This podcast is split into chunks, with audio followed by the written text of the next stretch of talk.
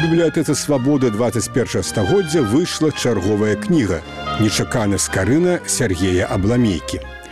Кніга складаецца з культуралагічнага эсэ ў 25 частках і аўтарскіх інтэрв'ю з беларускімі і замежнымі навукоўцамі пра новыя знаходкі ў скараназнаўстве. Зараз фрагменты кнігі. Чытае Сергей Абламейка.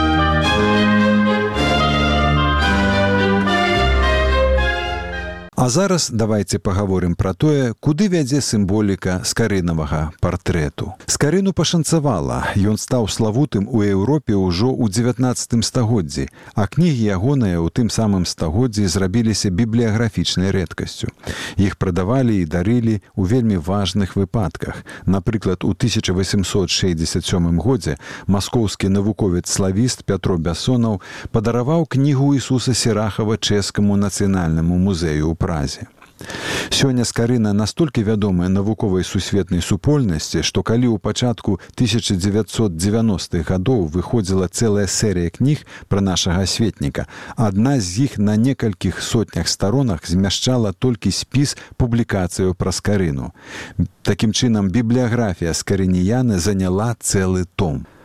Як і ўсе іншыя славутасці, ужо ў 19 стагоддзе некаторыя кнігі з карыны пачалі падрабляць і фальсіфікаваць. У прыватнасці так сталася з ягоным партрэтам. Арыгінальны варыянт скарына змясціў толькі ў дзвюх кнігах бібліі, кнізе Ісуса Серахава і чацвёртай кнізе царстваў. Першую копію выканаў расійскі гравёр Александр Флароў у 1830 годзе. Яна ўклееная ў кнігу другазаконня. Віктор Шматаў лічыў копію няўдалай вобраз скарыны паводле мастацтва знаўцы пазбаўлены цеплыні і дабрыні але набыў самазадаволены выгляд.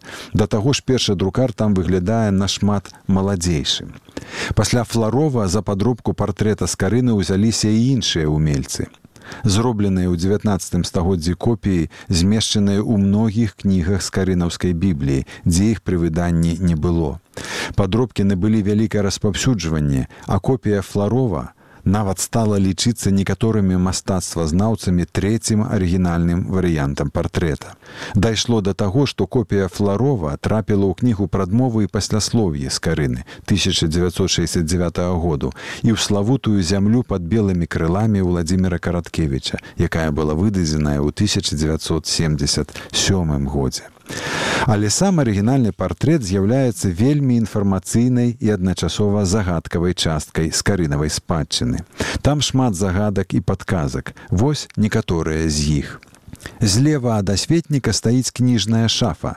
На ніжняй паліцы стаяць кнігі вялікага фармату, а на верхняй, якая найбольш кідаецца ў вочы і якой, мяркуючы па ўсім скарына часцей карыстаўся, стаяць кнігі малога фармату, так званыя альдыны.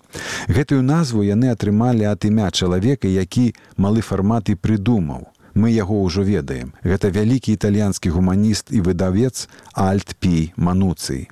Няма сумневу, што гэтым скарына паказвае, каго ён лічыць сваім настаўнікам. Гэта таксама ускосны доказ сувязі скарыны з Венецыяй, прычым на партрэце не адзіны. Наагул партрэт скарыны неверагодны, найперш таму, што скарына на ім выяўлены ў фаз. Вядома, што людзей у часы ранняга і высокага рэнесансу выяўлялі толькі ў профіль. Мастацтва знаўцы называюць гэта прыкметай другаснасці вобразу чалавека. У фаз тады пісалі толькі Хрыста, багародзіцу, апосталаў і святых. Падумаўшы, мы адразу ўспомнім славутыя партрэты герцагаў і герцагінь Медычы, 15 стагоддзя выкананыя ў профіль. Як пісаў Віктор шматаў, выхад з профілю ішоў паступова, спачатку праз павароту тры чвэрці і толькі пасля ў фаз. У Італіі профіль у партрэце панаваў да канца 15 стагоддзя. У нямметчыне нават і ў пачатку 16 стагоддзя. А на партрэце з карыны вобраз чалавека ўжо не другасны, гэта сапраўдны рэнесансны гуманізм. На партрэце мы бачым мноства прадметаў, сярод якіх вылучаюцца пясочны гадзіннік і глёбус сусвету або армілярная сфера. У тагачаснай Еўропе гэтыя прадметы на карцінах толькі пачалі з'яўляцца. Гісторыка мастацтва вядомыя толькі адзінкавыя выпадкі, але затое якія. Пясочны гадзіннік мы бачым на трох карцінах Альбрехта Дюрера, рыцар смерці д'ябал 1513 году, святы Геранім 1514 году і меланхолія таксама 1514 году. Мастацтва знаўцы сцвярджаюць, што палова гравюраў з карынавых выданняў паходзіць з Нюрнбергу, дзе жыў славуты тагачасным мастакі гравюр Дюрер і мастакі ягонай школы. Паралель тут відавочная.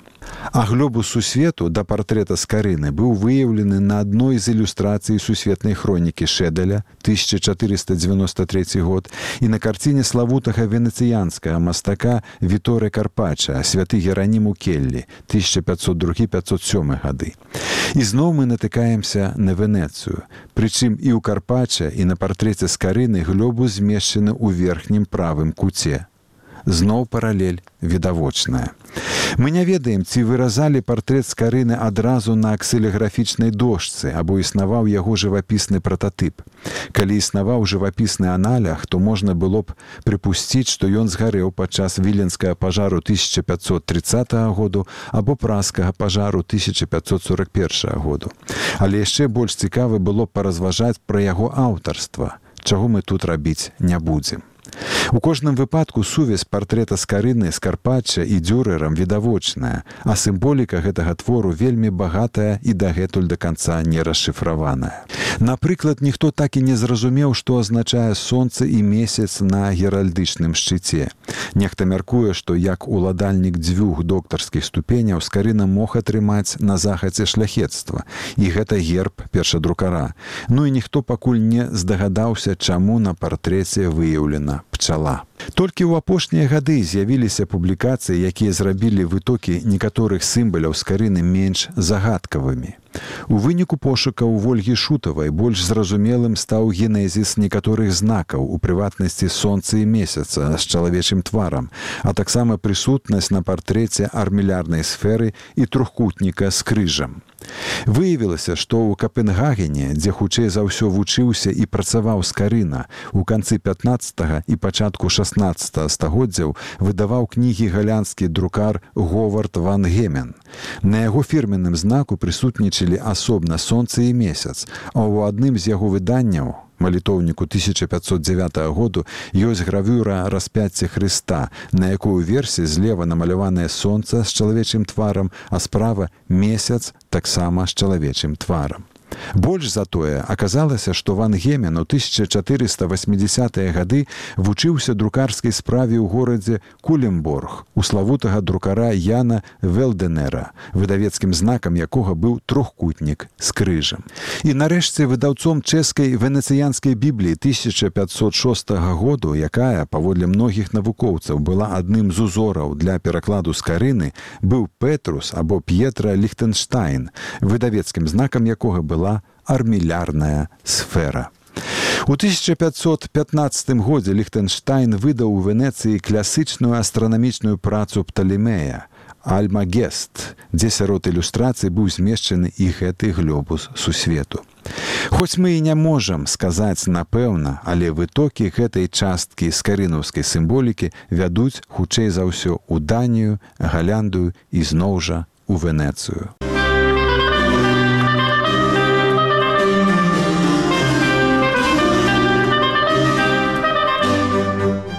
Зараз паговорым пра тое, чые яшчэ партрэты скарына зашыфраваў у бібліі.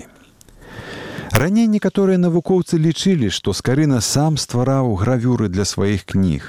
Сёння ўжо вядома, што гравюры да бібліі скарыны рабілі чэшскія і нямецкія майстры, якіх ён наймаў і якім даваў непасрэдныя заданні. Навукоўцы даўно падазравалі, што ў бібліі ёсць не адзін партрэт скарыны яшчэ ў 19 стагоддзі прафесор кіеўскага універсітэту пятро владимираў пісаў што на ілюстрацыі ў кнізе пра мудрасці Божай под назвай бласлаўлення у вобразе апостала Яна які моліцца да Хрыста можа быць выяўлены сам скарына Беларускі мастацтвазнавец Мікола Шчакаціхін лічыў, што на гравюры бласлаўлення выяўлены цар Салямон. Але гэты біблійны персанаж заўсёды маляваўся ў царскім аблачэнні. А малады чалавек на гравюры апрануты ў чырвоную доктарскую мантыю часоў скарыны. Чырвоны колер у тыя часы быў адзнакай вучонасці. Пра тое, што мантыя чырвоная, мы ведаем таму, што частка накладу праскіх выданняў скарыны дайшла да нас з гравюрамі, размаляванымі ў колеры. Ідэя Владзімірова, што на гравюры бласлаўлення выяўлены малады скарына ў доктарскай мантыі падтрымлівалі і беларускія мастацтвазнаўцы Лявон Баразна і Віктор Шматаў. Да іх думкі ў апошнія гады далучыўся чэшскі гісторык скарыназнавец Петр Войт. І вось якраз з працамі Петра Войта і звязаныя новыя адкрыцці ў вывучэнні скарынаўскіх ілюстрацый. Як аказалася, скарына змясціў бібліі не толькі два свае партрэты. Беларускі асветнік стаў другім чалавекам у свеце пасля нямецкага мастака Альбрехта Дюрера, хто за выявамі кніжных персанажаў схаваў партрэты рэальных гістарычных асобаў. Выявы людзей на кніжных ілюстрацыях у часы скарыны былі тыпізаваныя, не мелі персанальных адрозненняў і былі ўсе падобныя паміж сабой. А ў скарыны, як заўважылі навукоўцы, выявы маюць рэзка індывідуальныя рысы. Яны ўсе адрозніваюцца адна ад адной. У Петра Войта з'явілася падазрэнне, што за выявамі біблійных персанажаў у кнігах скарыны стаяць рэальныя гістарычныя асобы. Такія выявы называюць крыптапартрэтамі, бо яны не падпісаныя. Войт узяўся больш пільна вывучаць некаторыя скарынаўскія ілюстрацыі і сапраўды здолеў ідэнтыфікаваць каля 10 тагачасных гістарычных дзеячоў. Сярод іх чэшскі кароль 15 стагоддзя іршы спадэбрат, Кароль і вялікі князь літоўскі жыгемон першы стары, чэшскія каралі з дынастыі Ягайлавічаў Людвік і Уладзіслаў другі, папа рымскі Юлій другі, імператор Максімільян першы, чэшская каралева Ганна де Фуа, жонка Уладзіслава другога Ягайлавіча і так далей. На думку гісторыка, скарына мог рабіць гэта на знак падзякі за дапамогу або апекавання. Петр Войт лічыць, што ў будучым трэба стварыць міжнародны калектыў гісторыкаў і мастацтвазнаўцаў, які зрабіў бы параўнанне героя ўсіх скарынаўскіх ілюстрацый з вядомымі выявамі тагачасных гістарычных асобаў. У справе ідэнтыфікацыі прататыпаў на гравюрах нашай першай друкаванай бібліі ёсць і чыста беларускі аспект. Навукоўцы ўжо даўно заўважылі, што на некаторых малюнках у бібліі скарыны можна бачыць гербы тагачасных беларускіх дзяржаўных і вайсковых дзеячоў. У прыватнасці на гравюры людзі Ізраілевы з палкамі каля храму Божага з тытульнага ліста кнігі лікаў 1519 год гісторык Геннадзя лебедзяў аўтараў ідэнтыфікаваў гербы радзівілаў гаштольдаў і астроскіх. І тут паўстае пытанне а ці не схаваў скарына за вобразамі біблійных персанажаў партрэты некага з беларускіх дзяржаўных вайсковых і рэлігійных дзеячоў таго часу сваіх мэцэнатаў а можа і сваякоў Партрэты не ўсіх з гэтых людзей захаваліся, але, напрыклад, сваякоў першадрукара можна было б ідэнтыфікаваць паводле ўскосных прыкметаў, напрыклад, тагачаснага мяшчанскага адзення. Можа быць, у нейкай партрэтнай групе знойдзецца і яшчэ адна выява самога скарыны. Асветнік вельмі любіў і паважаў свайго бацьку луку з карыну, меў блізкія дачыненні з сям'ёй брата Івана. Ці няма ў бібліі рускай і іх партрэтаў або партрэтаў і іншых сваякоў. Пра гэта у наступнай частцы нашага цыклю.